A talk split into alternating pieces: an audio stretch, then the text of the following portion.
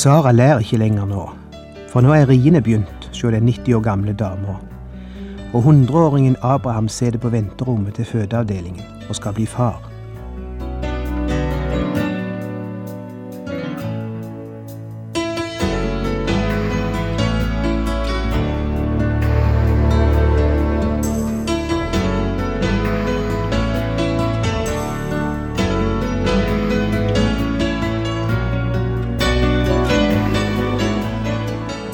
Hjertelig velkommen til et nytt program i serien Vindu mot livet.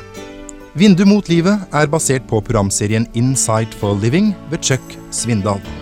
Programmet er produsert av Kristen Riksradio og blir ledet av Ola Bjoland.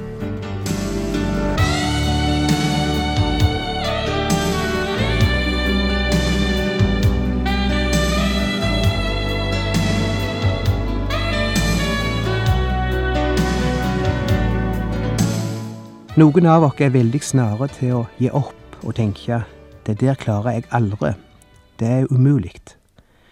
Og så mange ganger rister vi på hodet og ler. Det gjorde Sara, og det gjorde Abraham. Sara lo i smug bak teltduken og trodde ikke at de andre skulle høre det. Abraham var mer rett på sak. Han kasta seg i bakken av latter. Ser du han ikke for deg? Legger seg på ryggen og skrattler. Er ikke Bibelen fin? Ei levende og frodig beskrivelse av levende og frodige mennesker. Der gikk det på hverdagsspråket, skal jeg si deg, sjøl om en snakket med Gud. Der var det ikke mye fraser. Ja ja, tilbake til kapittel 21 i første Mosebok, som vi begynte på sist. Sara lærer ikke lenger nå for nå er riene begynt sjå den 90 år gamle dama. Og hundreåringen Abraham sitter på venterommet til fødeavdelingen og skal verta far. Tenk på det. Jeg syns Gud er så spennende. Så full av uventa ting, liksom. Er det noe jeg liker med enkelte mennesker, så er det det at de har evnen til å overraske. Evnen til å gjøre uventa ting. Det blir liksom aldri kjedelig rundt de. Du kan alltid vente deg en overraskelse. Jeg liker overraskelser. Iallfall stort sett. Jeg liker når det skjer noe, når livet ikke blir altfor monotont og kjedelig og forutsigbart. Og det er ei side jeg òg liker veldig godt med Gud. Han er full av overraskelser. Og det er aldri kjedelig rundt han. Der skjer alltid noe, ofte noe uventa. Det er ikke alltid like spennende å være rundt kristne mennesker. Mange kristne er klart å gjøre Gud så fargeløs, så beregnelig, så ordinær. Vi skal liksom kunne kontrollere Gud, forutsi Han, og få Han inn i vår form. Nei, Gud er unik, og Gud føler sin egen form, og Gud er fryktelig spennende å være sammen med. Og der er både gråt og latter når en er sammen med Gud både lovsang og frustrasjon, og hoveristing, fordi vi ikke alltid forstår Han. Vers 1 Herren tok seg av Sara, som han hadde sagt, og gjorde med henne slik som han hadde lovt. Sara ble med barn og fikk en sønn med Abraham på hans gamle dager, på den tid Gud hadde nevnt for ham. Ikke på den tid Abraham hadde tenkt, eller Sara hadde planlagt. Abraham og Sara ville gjerne hatt den babyen allerede ni måneder etter at Gud første gang hadde lovt de det, hvis de skulle fått det som de ville. Men de måtte vente i 25 år. Tenk det, 25 år. Og giss om gleda vart stor, og giss om det vart et under, noe heilt unikt, noe det ikke ville vorte om de hadde fått gutten når de var i sin ungdom. Da hadde det ikke vorte det som det vart nå. Så vart det en gutt, og jeg ser Abraham for meg med gutten i armene. Oldingen kunne vært tippoldefar til gutten, men han er faren. Og øyeblikkets lykke er så ubeskrivelig stor, og de følgende års lykke er så ubeskrivelig stor, at de er verd de årene med venting. Og så vers tre. Abraham ga sønnen som han hadde fått med Sara, navnet Isak. Jeg har sagt før hva det navnet betyr. Det betyr latter. Det var Gud som hadde bestemt at han skulle heite det, og det refererer seg selvsagt til Abraham og Saras reaksjon på budskapet om at de skulle få en sønn på sine gamle dager. Jeg tror ikke det var som straff Isak skulle bære dette navnet. Jeg tror både Abraham og Sara følte dette er det rette navnet på gutten. Det viser at Gud kan gjøre ting som vi tror er umulig. De la stor vekt på hva slags navn de ga barna i gamle dager, på den tida. Som regel var det en helt spesiell mening med navna, knytta til en helt spesiell begivenhet eller opplevelse, eller kanskje til en spesiell funksjon dette mennesket skulle ha. Vi legger ofte ikke så mye i navnegivningen i dag. Det tror jeg er tap. Jeg tror foreldrene skulle være litt mer bevisst når de velger navn for barna, ikke bare velge et tilfeldig motenavn. Vel, dette er min mening og ikke Herrens, som Paulus sa ved en bestemt anledning. Og det er heller ikke noe stort poeng her, egentlig. Men så føler de i lydighet det Gud har foreskrevet de, at de skal gjøre med barnet. Vi leser videre fra vers fire. Og han omskar Isak da han var åtte dager, som Gud hadde pålagt ham. Abraham var hundre år gammel da han fikk sønnen Isak. Da sa Sara, Gud har laget det slik at jeg må le. Og alle som hører dette, kommer til å le av meg. Og hun fortsatte, Hvem skulle ha sagt til Abraham, Sara skal gi småbarn bryst? Og så har jeg født ham en sønn på hans gamle dager. Her er glede, her er latter, her er hoveristing, her er lovprisning. Jeg skal si stemningen skifta. Jeg skal si situasjonen er snudd på hodet for dette paret i forhold til bare for et år siden. Jeg skal si ting kan forandre seg, og forandre seg raskt, ikke sant? For noen måneder siden snakket jeg med en ung ektemann på telefonen som var ganske deprimert. Alt var liksom så håpløst. Hadde ikke tro på at tinga skulle løse seg og eh, at det var noe lysning i sikte. Det var liksom kjøre seg fast alt, og jeg husker jeg sa, alt kan ordne seg, og alt kan forandre seg veldig raskt. Det kommer an på hva en gjør med problemene. Og det har valgt den rette veien, den rette framgangsmåten. Og framfor alt har det lagt deg heile i Guds hender og sluppet Han inn i problemene. Du skal bare sjå, alt skal forandre seg. Alt skal ordne seg. Jeg vet ikke om han hadde så veldig tro på det sjøl, men det er underlig å sjå på det i dag, bare noen måneder etterpå, og sjå hvordan alt har forandret seg. Hvordan nye veier har blitt åpna, hvordan ting har blitt løst, hvordan sprikker har falt på plass, hvordan det som så helt svart og, og umulig ut, faktisk viser seg ikke å være umulig. Jeg sier det så generelt, jeg kan ikke være mer konkret på dette i dette tilfellet men det er bare ett av mange eksempel på hvordan ting kan snu. Det er ikke mer enn vel et år siden jeg sjøl sto framfor stengte dører og var heilt fortvila. Det gjaldt dette prosjektet, faktisk, med denne radioserien.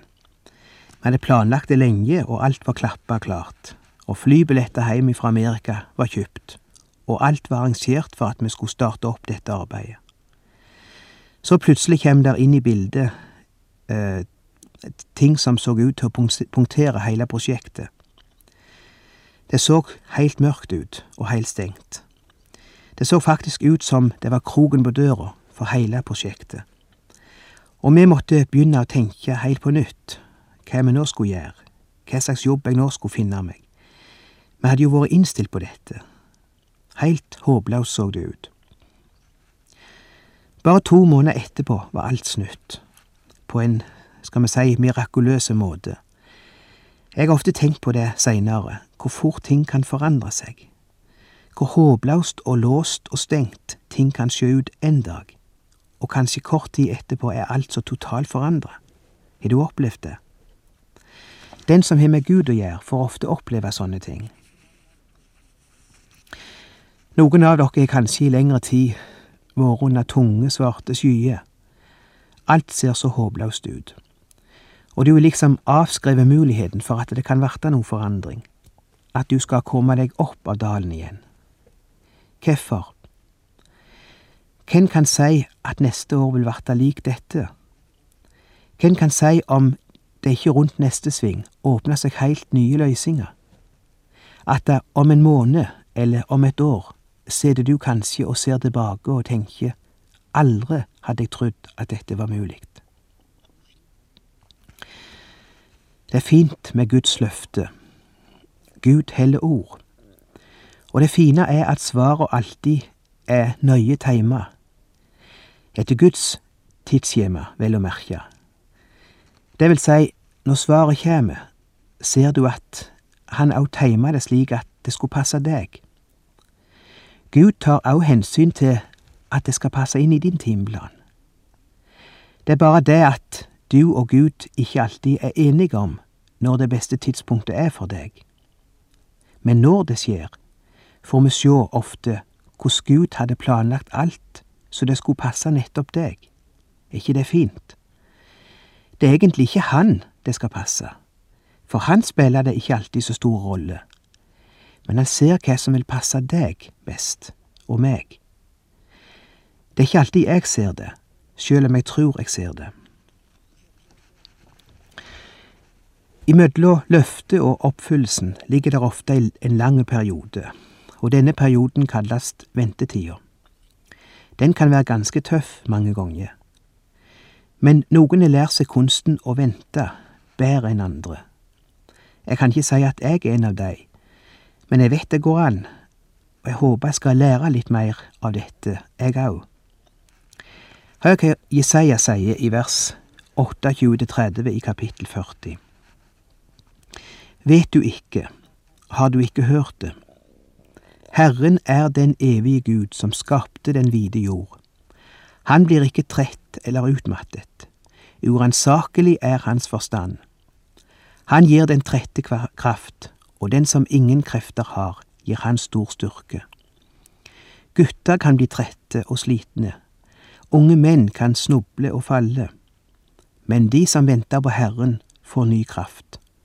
De løfter vingene som ørnen, de løper og blir ikke utmattet, de går og blir ikke trette.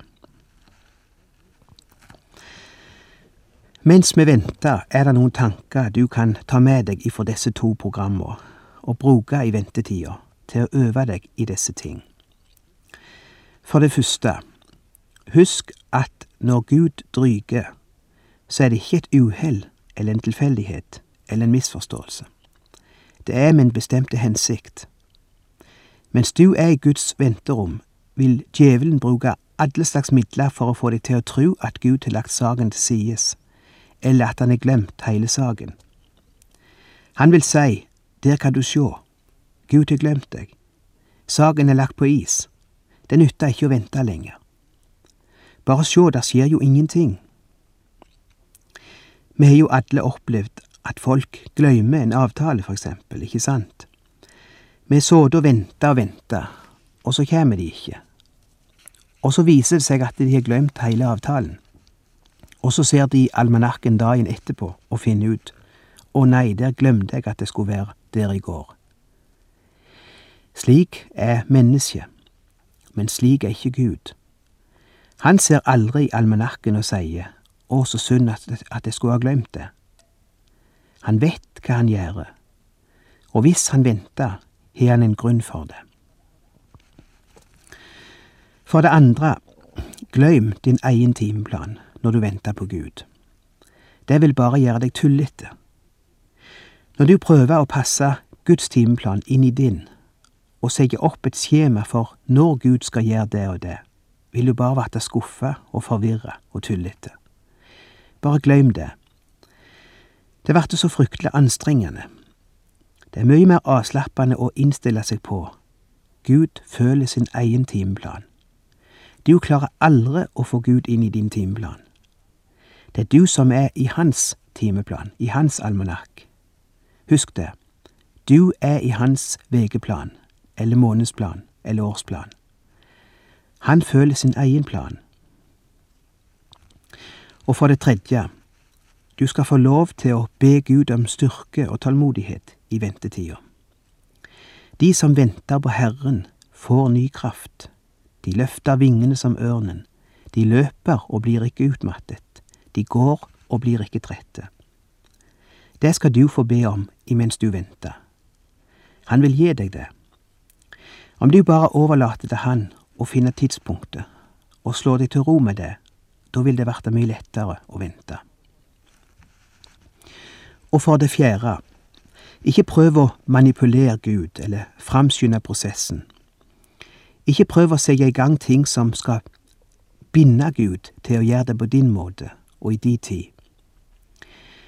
De største skuffelsene og de største frustrasjonene jeg har opplevd i ventetida, er når jeg begynte å blande meg opp i Guds plan og prøvde å hjelpe Han med å oppfylle sitt løfte. Sette opp avtaler og arrangerte situasjoner for Gud og vente at der og da skulle Han gjøre det.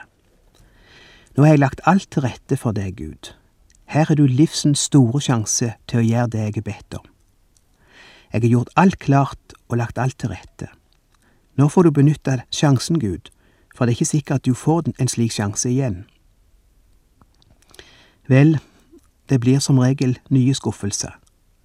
Jeg beklager å måtte si det. Vi bare roter det hele til når vi begynner å legge planer for Gud.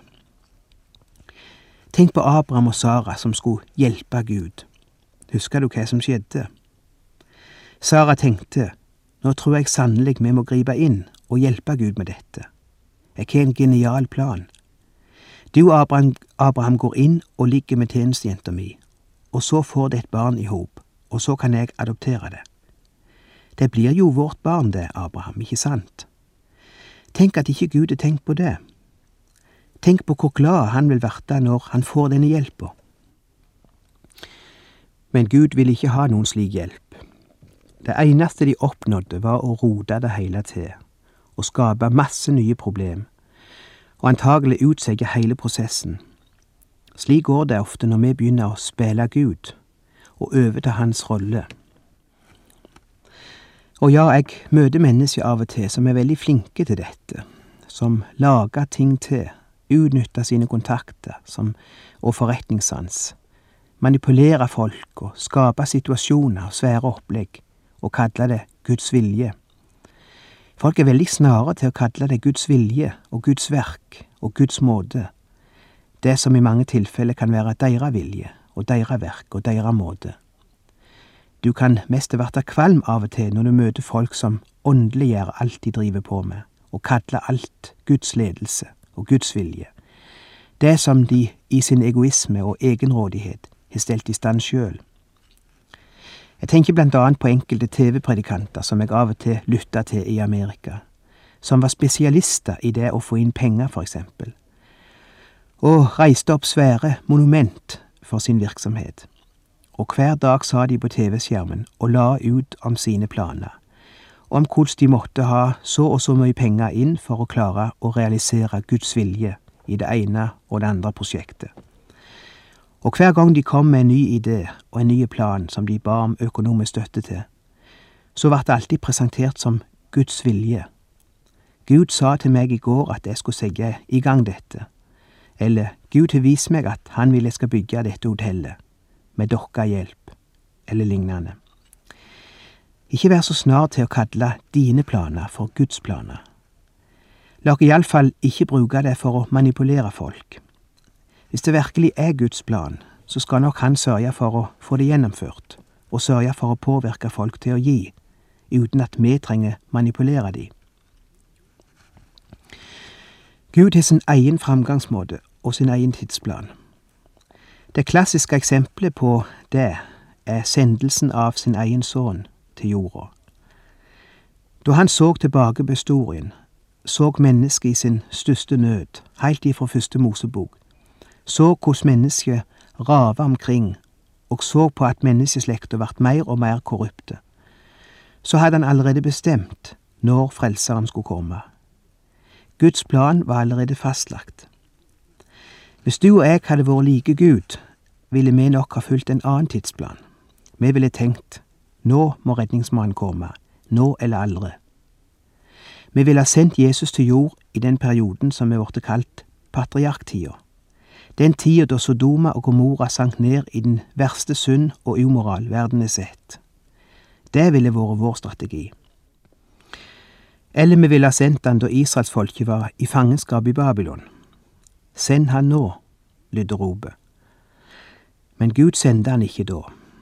Gjennom hele denne lange perioden som er beskrevet i Det gamle sementet, i hele 39 bøker, peker alt fram imot korset, mot Han som skal komme, og du kan høre som et ekko gjennom hver eneste en av disse periodene. Nå kjem han, nå kjem han. Send han, Gud, send han nå. Men Gud venter. Galaterbrevet 4 vers 4 sier det så genialt. Men i tidens fylde sendte Gud sin sønn, født av en kvinne, født under loven, for å kjøpe dem fri som var under loven. I tidens fylde, da tida var moden, på den rette tida, er ikke det fint? På nøyaktig det rette tidspunkt i historien reiste Gud seg og sa, Nå er tida inne, gjør deg klar, Jesus. Og jeg kunne brukt et helt program på å vise deg hvordan tida var akkurat det rette øyeblikk for Jesus å komme. Alt lå til rette, og alt var liksom modent og klart for Gud til å sette i gang sin plan og sin redningsaksjon. Men det er slik vi ser det i ettertid, når vi ser tilbake. Vi ser det ikke slik når vi er oppe i det, og når vi venter. Jeg vet ikke hva du venter på. Jeg vet ikke hva slags smerte i livet du sliter med, eller hva som gjør deg urolig, men jeg har en følelse av at hver eneste en av oss har noe vi venter på at Gud skal gjøre. Jeg tror vi sitter på venterommet, hver eneste en av oss. Vi venter på noe, eller noen, eller et svar, eller en lindring i smerten, eller en helbredelse, eller ei løysing på konflikten. Stol på Gud i dag. Vi er der alle sammen. Vi er i samme båt. La oss trøste hverandre og hjelpe hverandre imens vi sitter på venterommet. Og la oss dele med hverandre de erfaringene vi har om at Gud grep inn i våre liv i rett tid. Alltid i rett tid.